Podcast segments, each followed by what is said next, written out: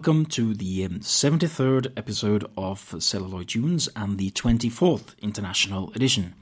Uh, Celluloid Tunes is the first and only webcast about film music in Norway, and my name is Tor Joachim Haga.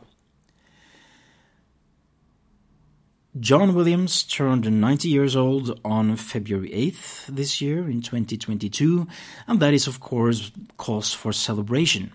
And he has been celebrated quite a lot over the year. There have been album releases, there have been concerts, podcasts, articles, and so on. And I wanted to do something as well, since John Williams is my favorite film composer. But I wanted to do something a little bit different than everyone else. And then the idea came to me to maybe do a, a, um, a podcast series about John Williams' television music, a complete walkthrough uh, of everything that we know about his television work, which I don't believe uh, has been done before. You know, for the last two decades, I've obsessed over this early part of John Williams' career. Uh, I mean, it remains a jungle uh, with lots of missing information and even more missing audio and video. But for me, that's part of the attraction, you know, exploring the deepest and most obscure corners of his career in search of uh, unheard music.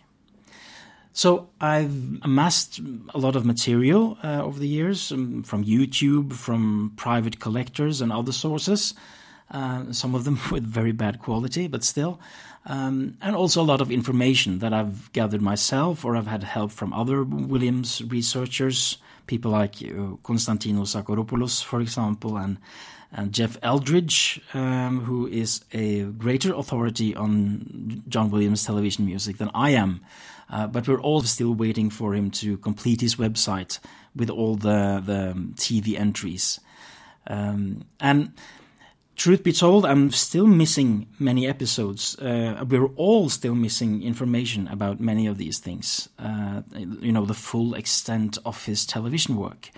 But I still think I have more of this material than, than most other people. So I thought to myself, why not share it with fellow uh, Williams fans?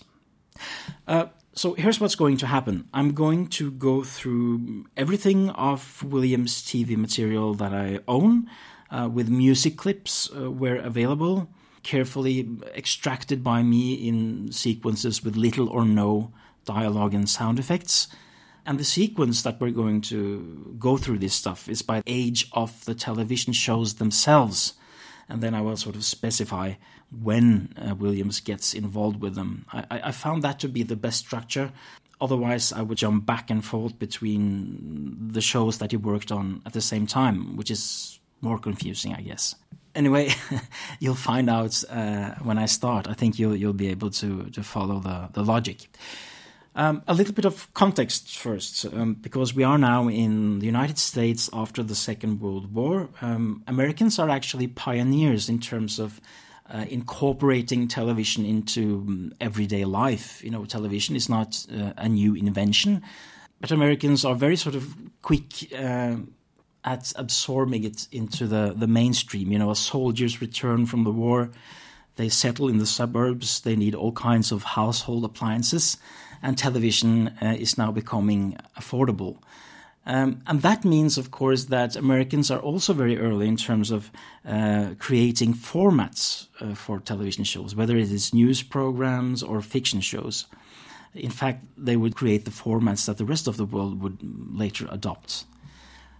And another sort of feature uh, with early American television is the close connection to certain corporations, the more commercial aspect. Uh, of the industry. And that is actually quite evident in the very first show that I'm going to mention, the oldest television show on John Williams' resume, and that is General Electric Theatre, which ran from 1953 to uh, 1962. Uh, again, here you see uh, this is an anthology show um, with different stories each week, but it's sponsored by uh, General Electric, you know, the big electric company uh, founded by Thomas Edison once upon a time, and still one of the major electric companies in, in the States, as far as I know. They get to have their name included, and they get ad space surrounding the episodes as well. A bit later, it also gets its own hosts, which was a rather common thing for anthology shows at the time. Someone introducing the episode and occasionally also playing uh, a character in the episodes themselves.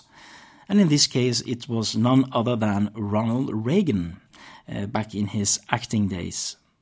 Uh, ten seasons were produced, more than 300 episodes, and the music for the show uh, initially um, was written by, well, many different composers, but primarily uh, Elmer Bernstein.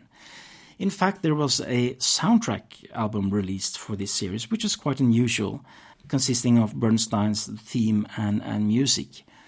Uh, unfortunately, no other composer represented on, on that particular soundtrack, which was later uh, reissued on CD as well. Now, John Williams, he gets involved in season 8, um, which would then be the spring of 1960. So it's not the first television show that he works on, but it is the oldest television show. Uh, in season 8, he allegedly does three episodes. We've been sort of unable to confirm them. In season 9, he does again three episodes, which we have confirmed. And then in season 10, the last season, he does somewhere between um, one and four episodes. It's quite difficult to get steadfast evidence and information on these old anthology shows. They have, uh, it has never been released, and information on the internet is quite skimpish. But let's look at what we do have, and that is uh, season 9, episode 2, called Journal of Hope. Uh, which is about a frontiersman who marries a young Native American girl after she nurses him back to health from an injury.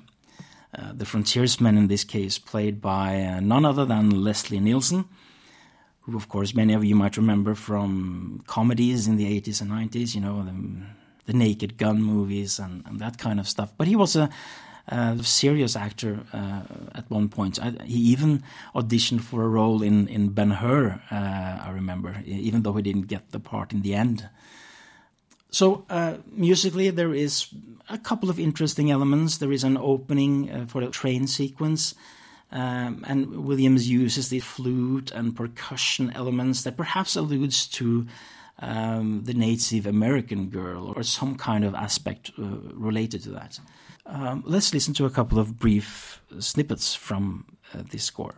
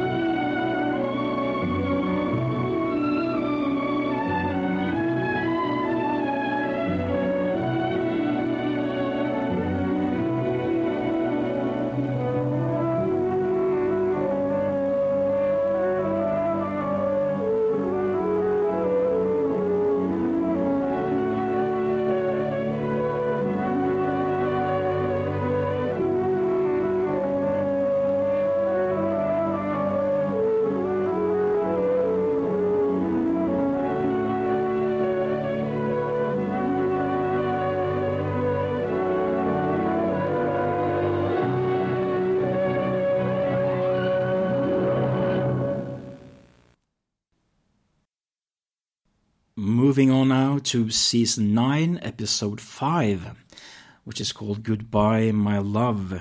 Um, unfortunately, I have not been able to find this episode, uh, but the premise is as follows uh, A successful writer with a weakness for booze gets some serious news from his doctor. One more bender could be more than his weak heart can handle, and he is also urged to reconcile with his estranged wife sounds like a proper drama. Uh, um, hopefully, it will surface at some point, so I can I can play some music for, from it.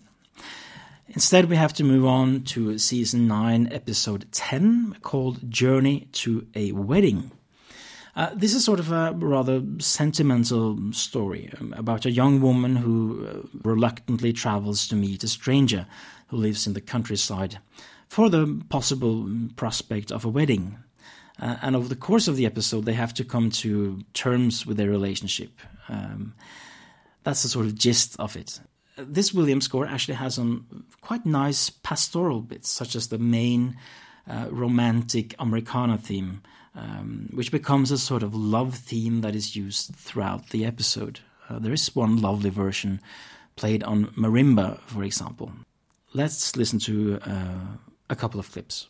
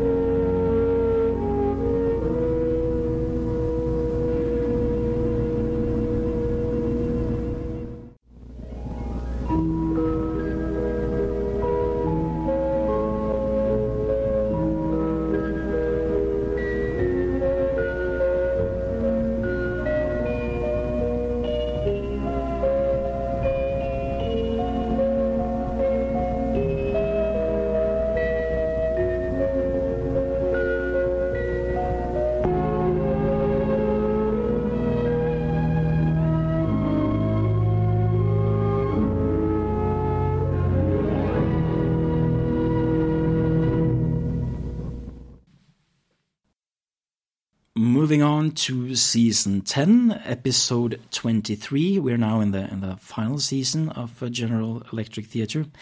Um, that's an episode called 10 Days in the Sun.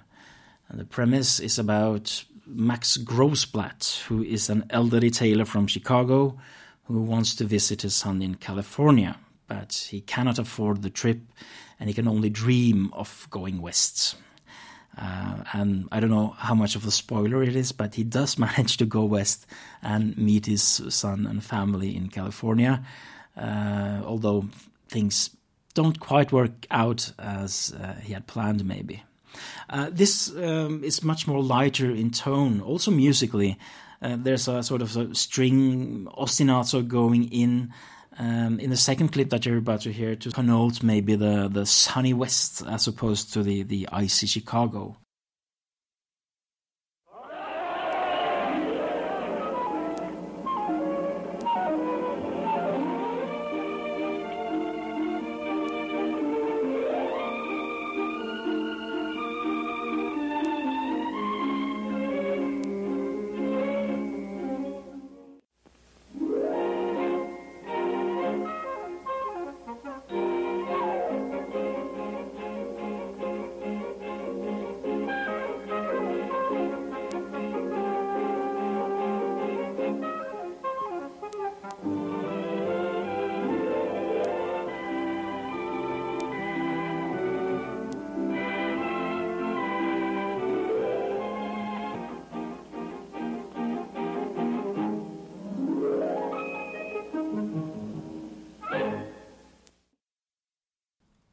Finally, we have the season 10, episode 34, called The First Hundred Years. Uh, this, however, is unconfirmed.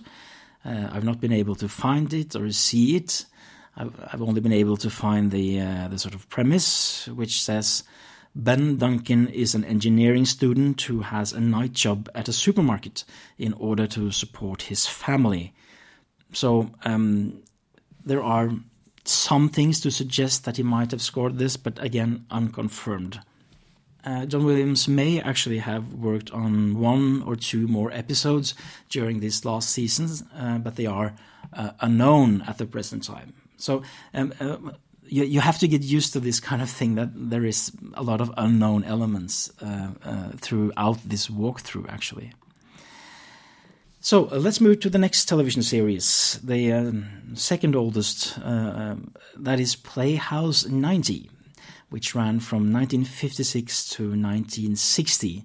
It's another anthology show uh, and had quite an impressive roster of composers attached, you know.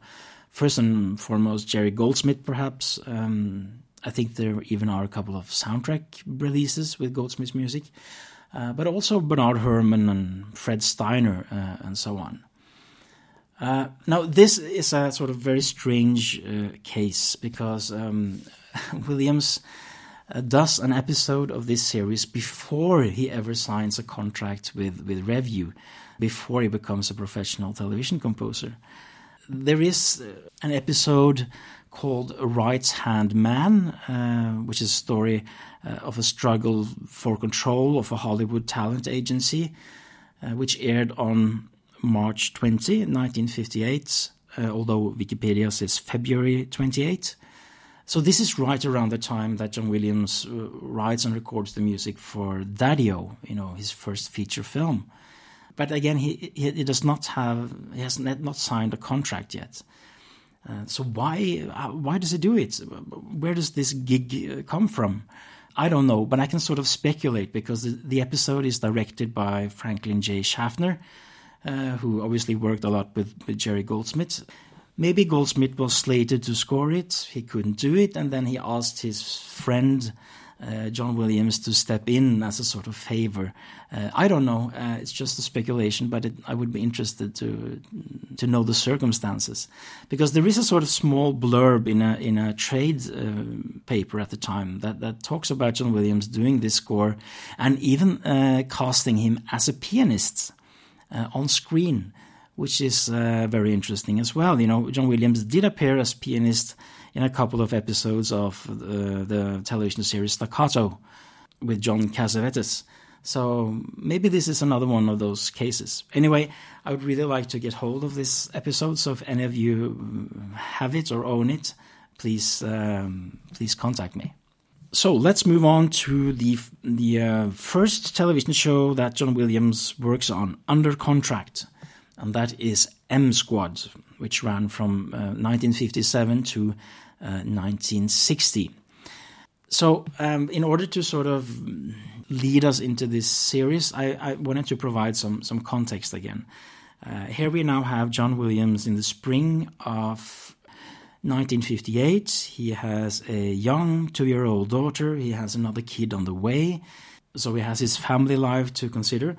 And he has now worked two, two and a half years as a session pianist, arranger, conductor, uh, released and recorded a lot of albums, and now he's slowly starting to flirt with the idea of being a composer as well. You know, he's already done Daddy-O and he's done this this strange mm, episode of Playhouse 90. Um, so that's where we have him. So if you sort of zoom out from John Williams and then zoom in another place in Los Angeles, namely at the um, Revue Studios, which is a television production company, uh, the television branch of the um, larger corporation MCA. Television production companies were organized quite similarly to how film companies were organized, uh, you know, with different departments for the different trades. So there is a a music section, a music department at Revue, um, led by uh, the very influential composer uh, Stanley Wilson. Now, you have to remember that this is right around the time of the rise of the unions. So there is a call there is a call out to hire composers and get original music rather than just reusing existing library music. And obviously, Stanley Wilson is among those who, who has to um, consider that so there has already been one whole season of M Squad at this point, uh, with a theme by Wilson himself, I think. But now they have to sort of rethink how they're going to approach season two. So what he does is actually to get the uh, legendary band leader Count Basie to write a new theme for the show, uh, a theme that would be um, quite popular. In fact, when Ira Newborn did the Naked Gun uh, films, he very much references Basie's theme for M Squad. And uh, Stanley Wilson also manages to to get other sort of famous jazz people involved, like Benny Carter, for example, the famous saxophonist, to do episode scores. And somehow this young guy, John Williams, turns up on Stanley Wilson's list of people to, to hire and, and, and contact. Again, it sort of must mean that John Williams has made a mark for himself uh, the last couple of years with all these different projects that I, that I mentioned. So Wilson approaches uh, Williams not only to uh, score M Squad, but to sign uh, a contract with with Revue. And of course, John Williams uh, says yes. He needs to sort of provide for his now small family. He uh, has already started to flirt with the idea of composing. And then television is in many ways a very valuable school at the time. Not only uh, does it allow composers to work on a wide variety of genres, but also to work with very uh, strict deadlines. So John Williams says yes, he signs the contract. When exactly it is signed is something that I've been unable to find. It's uh, probably after July, but before um, September, somewhere in between. The duration of the contract is also also varies a bit according to which source you use. There are some sources that say it's five years, some say six, some say seven. Uh, let's just say six uh, six year contract with Revue to provide music for many different television shows. So, John Williams gets involved in M Squad or Murder Squad, uh, which is obviously a series about uh, this detective Frank Ballinger, played by uh, Lee Marvin, who solves crime uh, on a weekly basis. Um, and he gets involved in season two and does eight episodes, the first of which is called The Trap and it airs on October 24th, 1958. Uh, uh, Williams is credited actually quite unusually as John T. Williams Jr., perhaps to sort of delineate himself from, from other John Williamses, like his father or, or the other jazz pianist, John Williams. Uh, I don't know. The episode is about a young ex criminal who gets accidentally caught up in incidents that he thinks are worse than they are and then he flees into the arms of an active criminal for protection. Uh, so Lieutenant Ballinger sets out to prevent him from getting into more trouble. Um, there are some cool big band swings in the brief transportation sequences, but rarely long stretches of music. Uh, there are some cool um, tam tams, some flute flurries, and several stingers, mm, brassy stingers that almost have a Mickey Mousing like uh, quality, I thought. Um, there's also a cameo of Basie's theme that pops up as Ballinger approaches in a car. Um, and I think that's the sort of gist of the music from this episode. Now, there is a soundtrack release for M Squad that I will get back to. But first, I'm going to um, go through uh, all the episodes that John Williams scored uh, starting then with a little bit of music from uh, The Trap.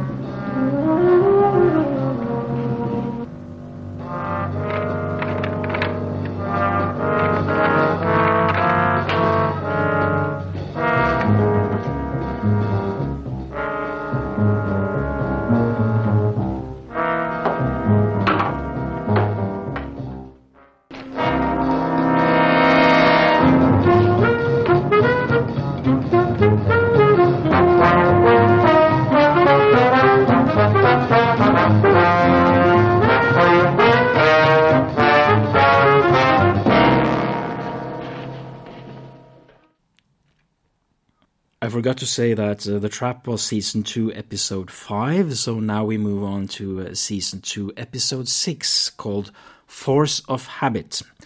A woman loses her brother in a fire, but pretends it is her criminal husband to protect him from the police, and this allows him to go on another crime spree.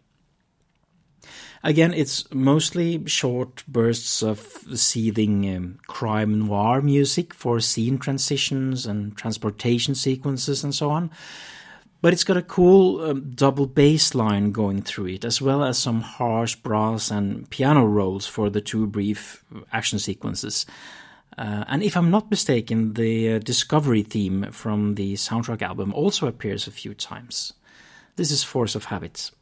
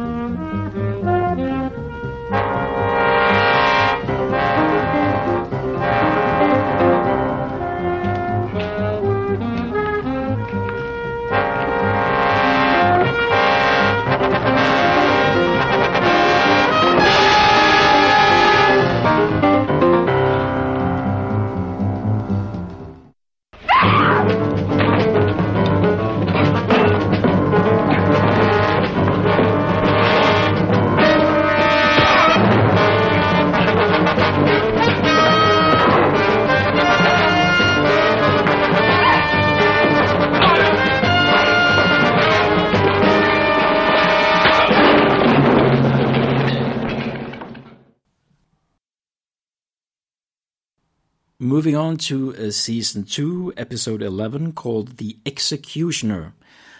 Uh, a waiter accidentally witnesses a transaction between a jeweler and a gangster middlewoman and is pursued by a mobster executioner. And it's up to Ballinger to uh, protect him and solve the case. Uh, the keyword in this episode is saxophones, some xylophone, and lots of cool mm, piano mm, rolls. Um, the score toggles between, should I say, slow, uh, sleazy sensuality and more upbeat swing. And of course, variations of the Basie theme um, appears every time Ballinger walks or, or, or drives around.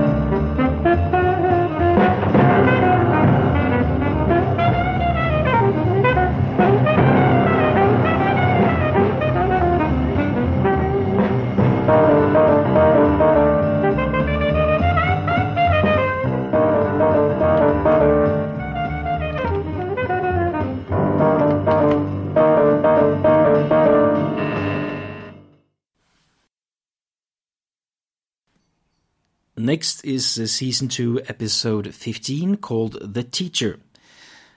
At a re education school for young hooligans, one of them is destined to continue his criminal streak, including murder. The keyword for this episode is a lot of brooding brass and a sneaky flute theme. Also, a lovely sax theme for the relationship between uh, one of the more level headed hooligans, played by a young Burt Reynolds, uh, and his girlfriend.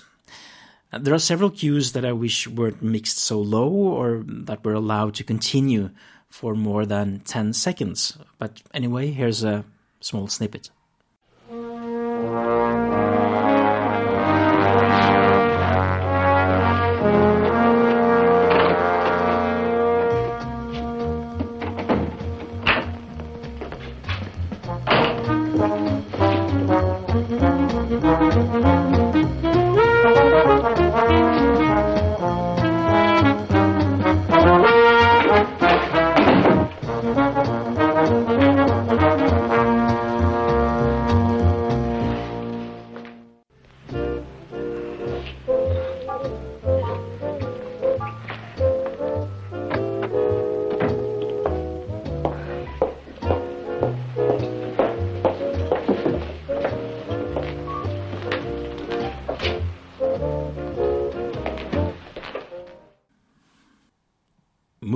To season 2, episode 17, called One Man's Life. Um, a shop owner is wrongfully accused of the murder of another competitive shop owner, while the real murderer is covering behind his wife's witness lies. a bit complex. Uh, there isn't a lot of music in this episode, and I have to say, none of it is particularly striking. It's mostly very brief uh, snippets, usually just a dramatic film noir chord or two in between the uh, long uh, moments of dialogue. But I picked out a couple of bits anyway.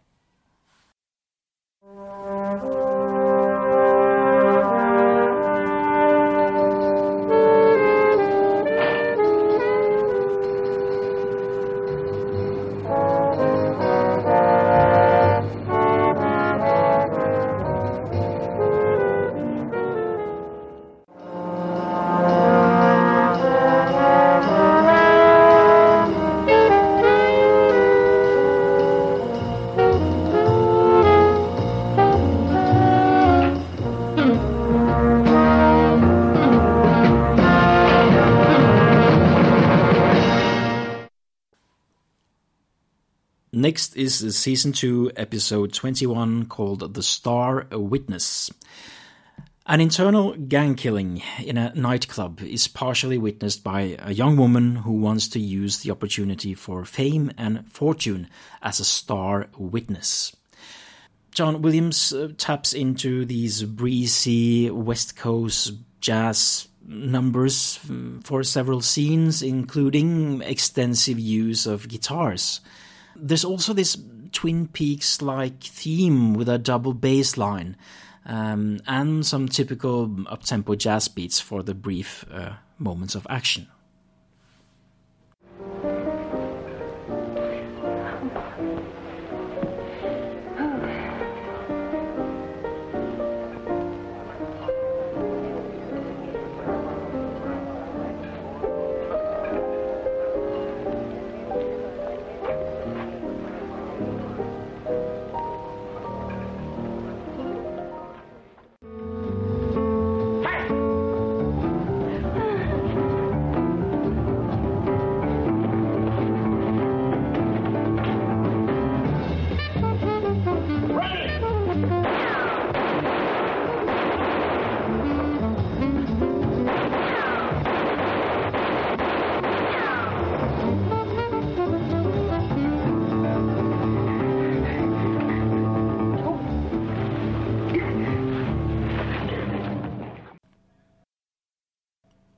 Season 2, Episode 25 The Harpies. A woman kills a man outside an apartment building, and Ballinger has several female suspects, or so called harpies, and has to find out who did it. Uh, the um, the episode opens with an unusually long version of the track "The Discovery" uh, from the soundtrack album, which is allowed to be in the forefront with little dialogue. And there are also some, again, some sleazy sax solos for the women and the interrogations.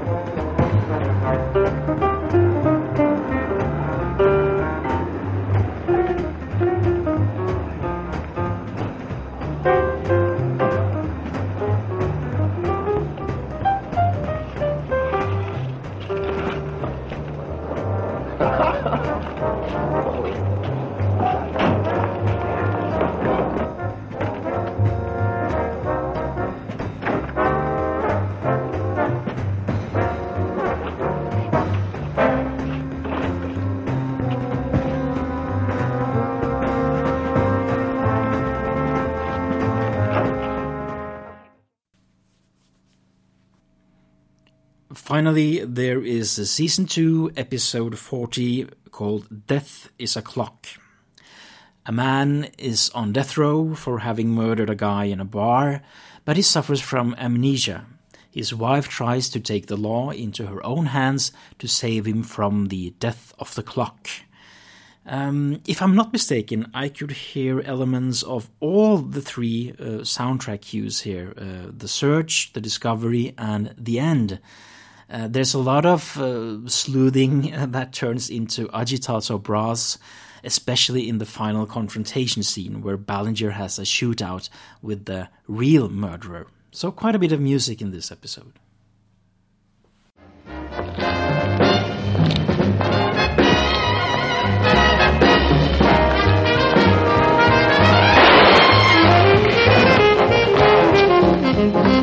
So,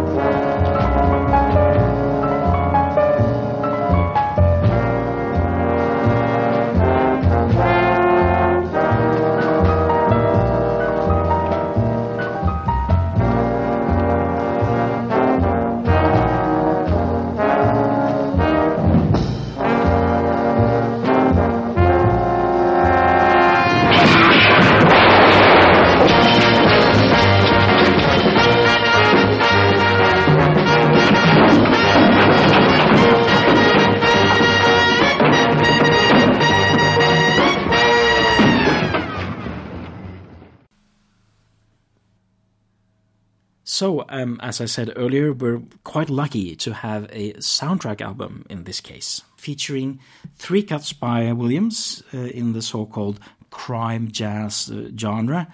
Um, the uh, soundtrack is available both on vinyl and, and CD from RCA Spain.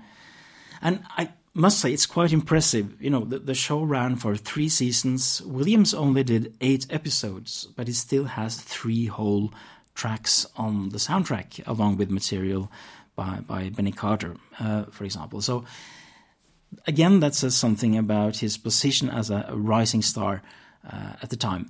Uh, my favorite of the three tracks on the soundtrack is uh, The Discovery.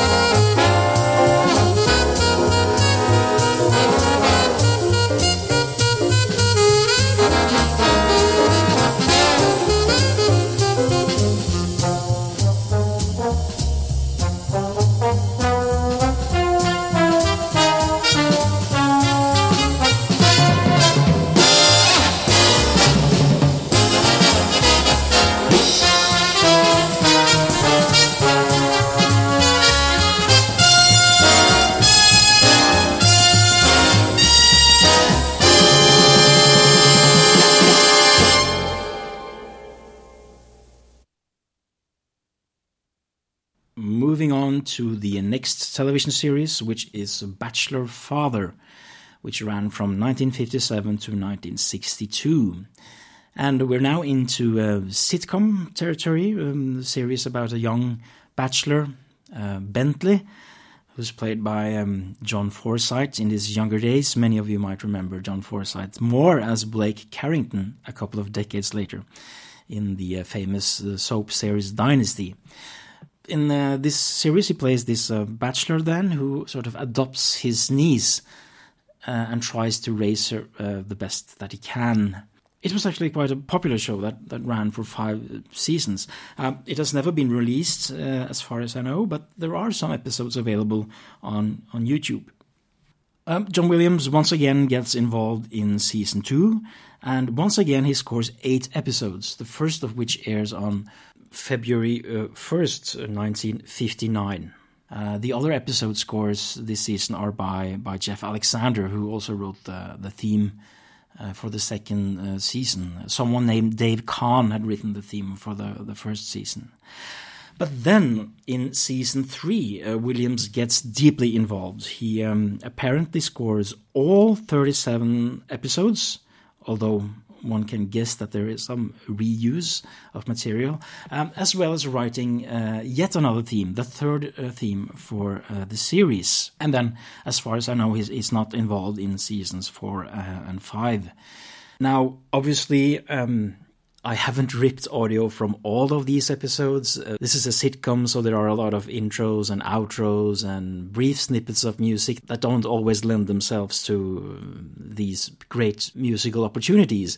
But what I have done is to uh, rip uh, music from some of the episodes and put them together in a, let's call it a suite, uh, highlighting some of the um, incidental music that John Williams wrote for the series. Uh, and I will also be playing the uh, theme, of course, the, the famous theme, uh, which was actually uh, re recorded at one point in a disco version as part of a suite of uh, old television themes. Um, I want to play the original uh, theme from the series. and for those who are curious, the the music rips in this suite are taken from the following episodes. Uh, season 2, episode 11, Bentley and the Kleptomaniac, which was then the first episode that he actually worked on. Season 3, episode 5, Kelly's Idol. Season 3, episode 11, Double Play. Season 3, episode 19, Bentley and the Bartered Bride. Season 3, episode 28, The Stage Mother. Season 3, episode 30, Bentley Meets the Perfect Woman. Season 3, episode 36, Where There's a Will. And finally, season 3, episode 37, Bentley's birthday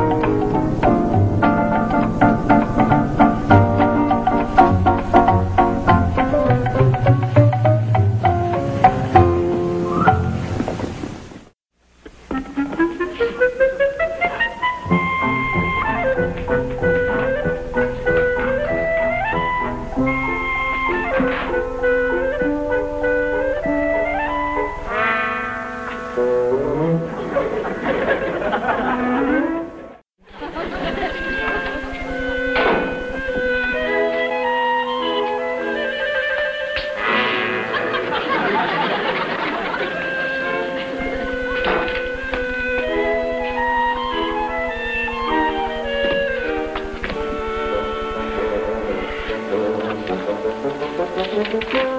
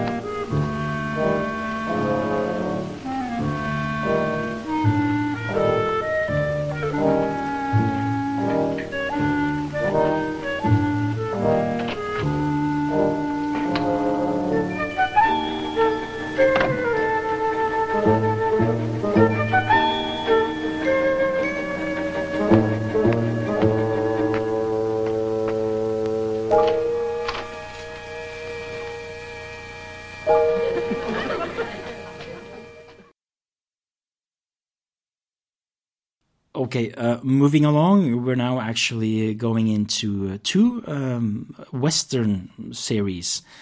Uh, the first is uh, Tales of Wells Fargo, which ran from 1957 to 1962 uh, for six seasons. Um, it's a series about uh, an agent, Jim Hardy, who sort of splits his life between being an agent helping Wells Fargo, you know, the famous bank company that still exists, and sort of owning a ranch near San Francisco. John Williams he gets involved in the uh, spring of 1960, which is the fourth season, uh, where he does three episodes, and he also does a single episode in season five. There is no soundtrack album, uh, but the whole series is now out on DVD, so it's quite easy to to rip um, fairly high quality material from this this um, series. So the first episode is uh, season four, episode thirty-two, called "Threat of Death." Premise: Jim Hardy is after the Crail gang after a holdup in Dobie when the sheriff and several others were killed. Uh, he catches Johnny Crail, but unknown to him, Johnny has help from an unlikely source, and no one in town will help him with his prisoner. Here's a brief snippet of score.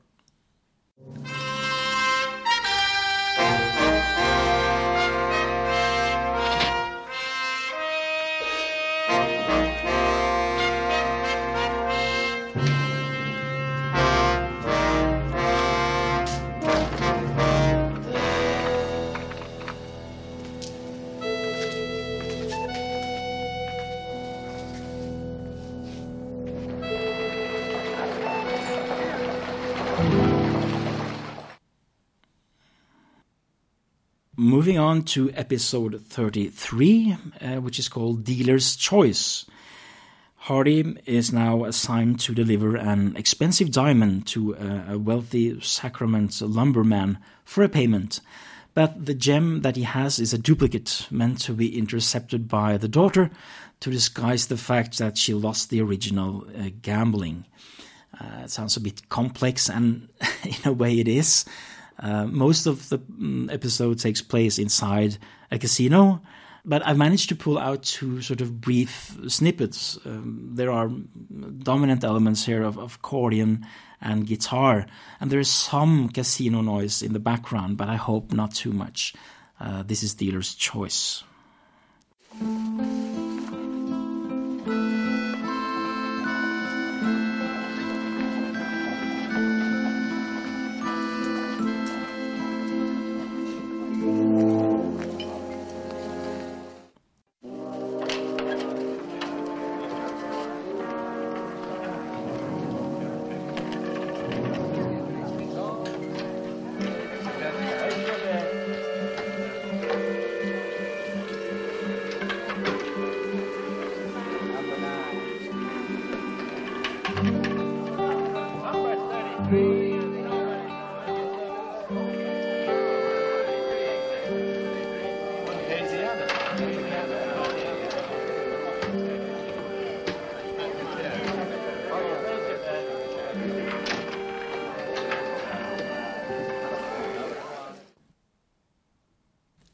To episode 37, uh, which is called Man for the Job. Wells Fargo sends Jim Hardy to Goldfield to help set up a new station that will be shipping silver. Jim is forced to hire an old employee suspected of helping rob Wells Fargo a few years ago uh, in Tondoa when the original hire uh, looked bad. Not that much to say about the score in this case, other than quite some very neat guitar variations over the main uh, series theme, I guess.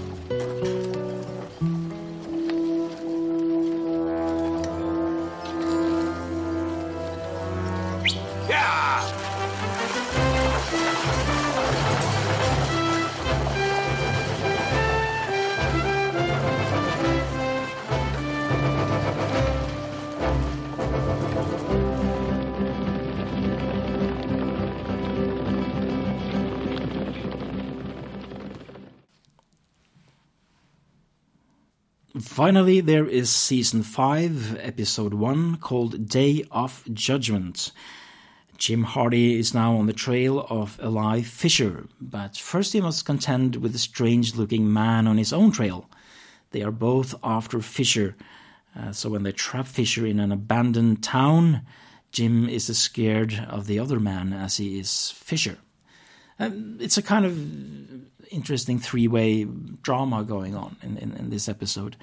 And um, there's actually a very sort of interesting cue for the standoff uh, in the mysterious abandoned town, which doesn't really have a lot of mm, sound effects and dialogue. So here's some of that.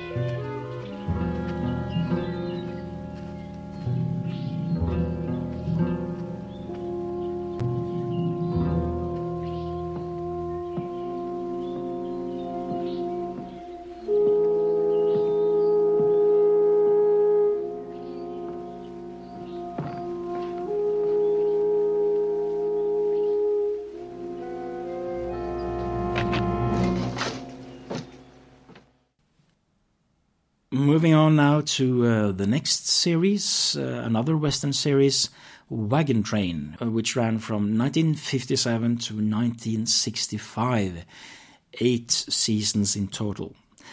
Uh, this actually predates Williams' work on Tales of Wells Fargo. Uh, and it was a, quite a popular show in the United States. Not so much over here for some reason. The only sort of US Western shows that were popular over here uh, were Bonanza and, and Gunsmoke, but I know that it had a, a big following uh, in the States. Um, the series is, of course, these stories um, of, of, the journeys of a wagon train as it leaves post Civil War Missouri on its way th- to California through the plains and deserts and, and Rocky Mountains and so on. Um, quite an ingenious concept because you can create all kinds of drama within the wagon train between the different passengers and also sort of external threats, whether they are natural things or Native Americans or, or whatever. And uh, an interesting piece of trivia in this case is that uh, one of the uh, the guards uh, of the wagon train is played by uh, actor Robert Horton, who was married to uh, Barbara Ruick for a very short time before John Williams marries her. Um, so I've always had this picture of uh, young John Williams uh, writing music for his um, wife's ex husband. Uh, kind of a fun little trivia. But anyway, uh, John Williams uh, gets involved again in season two, where he does uh, four episodes. The first of which premieres on December 17, 1958. So, not really that long after M Squad.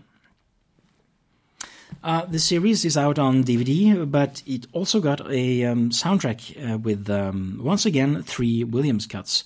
Uh, as far as I know, it has not been reissued on, on CD, at least not uh, commercially. Um, so, so the following is a sort of a combination of music that I've ripped and music from that particular soundtrack album. So, uh, first out is season two, episode 11, called The Beauty Jameson Story. Flint uh, Flint being one of the um, the guards uh, of the wagon train, uh, Flint gets involved in a dispute between the daughter of a deceased tyrannical ranch lord and the small ranch owners in the area. Things need to get sorted out before the wagon train can move through their territory. Um, there are a couple of standout elements here. There, there's a lovely sort of guitar based theme for beauty uh, also occasionally played on strings. Uh, some pretty hefty xylophone uh, riffs, especially sort of in the attack on the, the ranches, and a, a vibrant brass theme for uh, all the sequences that, that are about sort of riding uh, on the prairie. Uh, otherwise, it's um, it's a pretty low key and lots of brief moments of, of melodrama for the the intros and outros and, and, and such.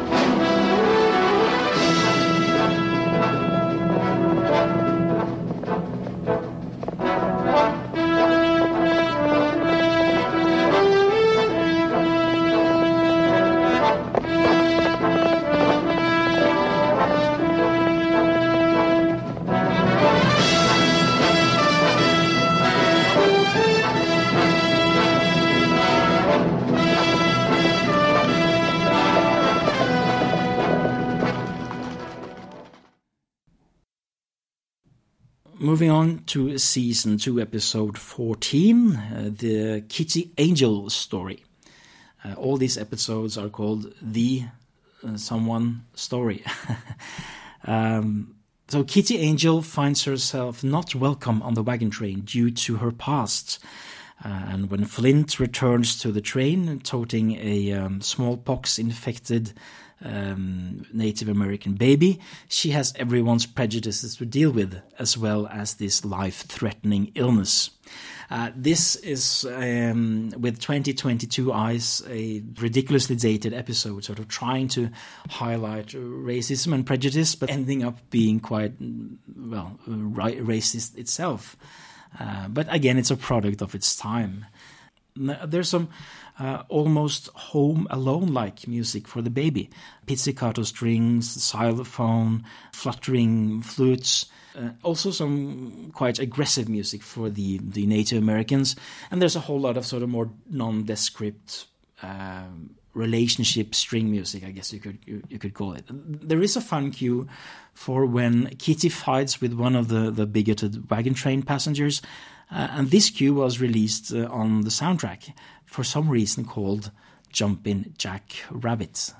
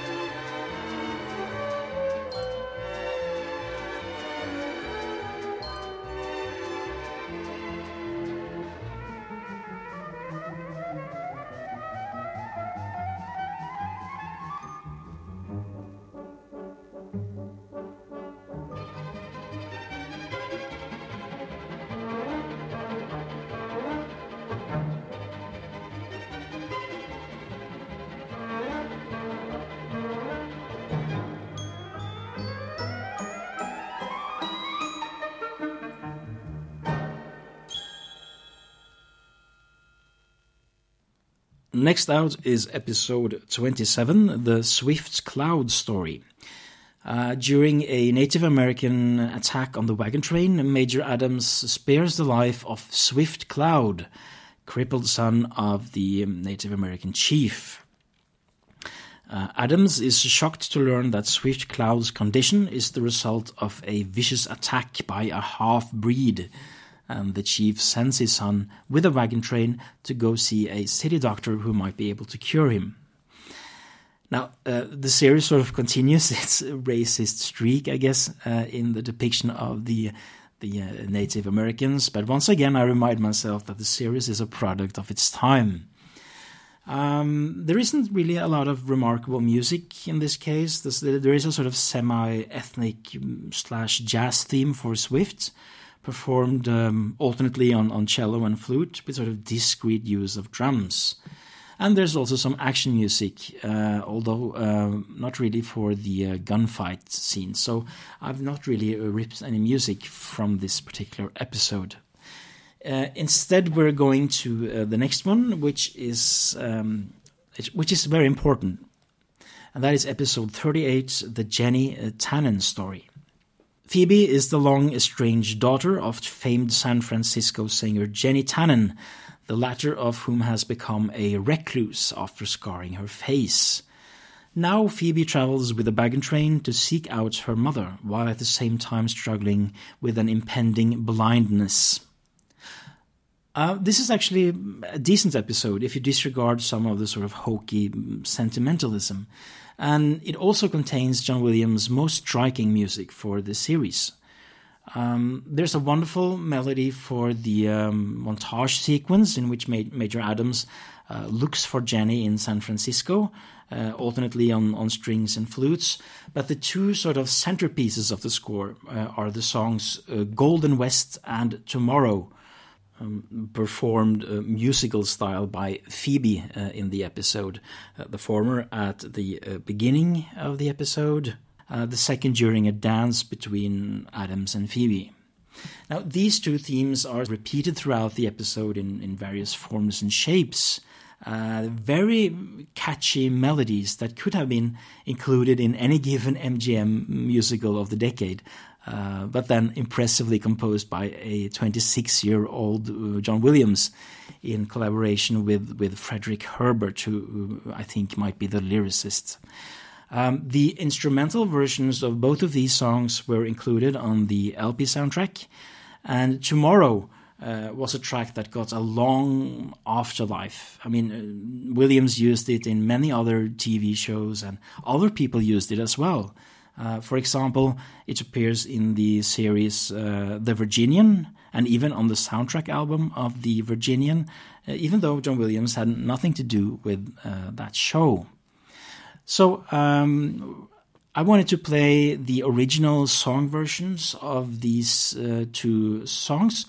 Um, as well as the search music in San Francisco. So these are some selections from the Jenny Tan story. Do not dilly, do not dally, day breaks in the east. To cloudless skies the sun will rise, and so must man and beast. For years and years the sun has shown that he knows what is best. Each morning he has left the east to settle in the west. Good old Golden West. Be it hilly, be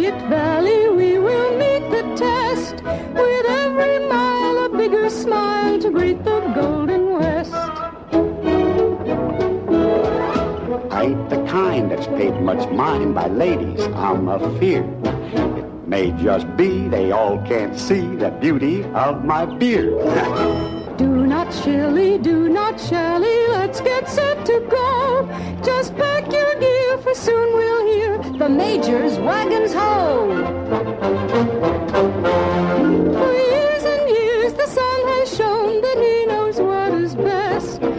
morning he has left the east to settle in the